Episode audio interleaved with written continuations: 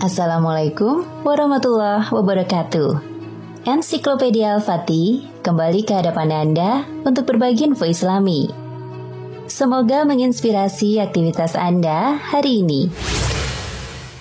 Al-Quran telah memberitakan bahwa masyarakat ahli kitab telah mengetahui akan ada nabi terakhir yang memimpin dunia dan mengalahkan berbagai macam suku dan golongan yang tidak mengetahui agamanya.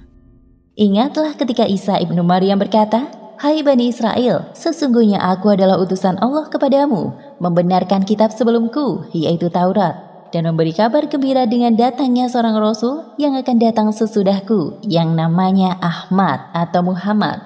Maka tatkala Rasul itu datang kepada mereka dengan membawa bukti-bukti yang nyata, mereka berkata, ini adalah sihir yang nyata. Quran Surat As-Saff ayat 6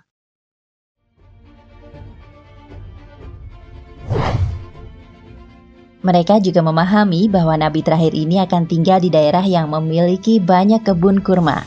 Karena alasan inilah masyarakat Yahudi eksodus dari daerah asalnya di Syam menuju Yasrib, nama asal kota Madinah, untuk menyambut kelahiran nabi terakhir yang tinggal.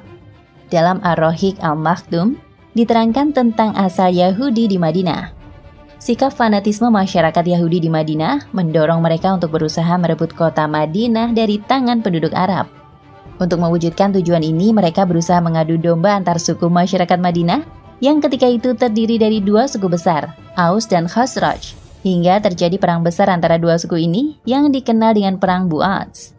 Karena telah memiliki Taurat dalam masalah keyakinan, masyarakat Yahudi merasa diri mereka lebih berperadaban dibandingkan penduduk Arab asli. Abul Aliyah menyebutkan bahwa di antara doa orang Yahudi itu, Ya Allah, utuslah Nabi yang telah disebutkan kisahnya dalam Taurat ini, sehingga kami bisa menghukum orang-orang musyrik itu dan membantai mereka. Tafsir Ibnu Katsir 1 garing 326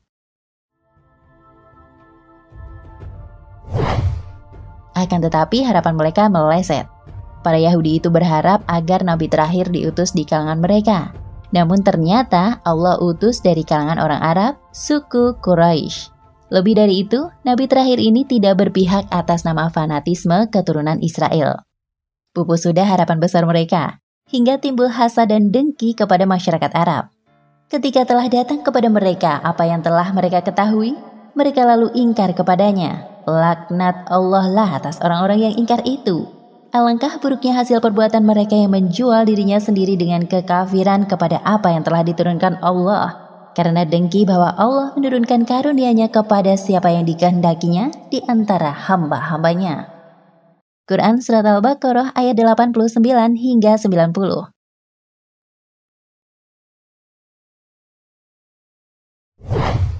Ibnu Abbas radhiyallahu anhu menceritakan, sebelum diutusnya Nabi, orang Yahudi berharap akan mengalahkan kaum Aus dan Khazraj dengan kehadiran Rasulullah Shallallahu Alaihi Wasallam.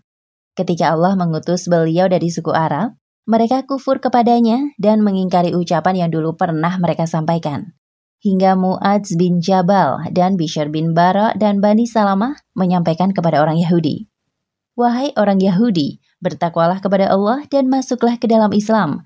Dulu kalian ingin menghabisi kami dengan kehadiran Muhammad Sallallahu Alaihi Wasallam ketika kami masih musyrik. Kalian sampaikan kepada kami bahwa beliau akan diutus dan kalian juga menceritakan sifat beliau kepada kami. Namun pernyataan dua sahabat ini dibantah oleh Yahudi melalui lidah Salam bin Mishkam dari Bani Nadir. Belum datang kepada kami, Nabi yang kami kenal sama sekali. Dia, Muhammad, bukanlah orang yang pernah kami ceritakan kepada kalian. Dengan sebab ini, Allah turunkan surat Al-Baqarah ayat 89 dan 90 di atas. Wallahu alam bisawab.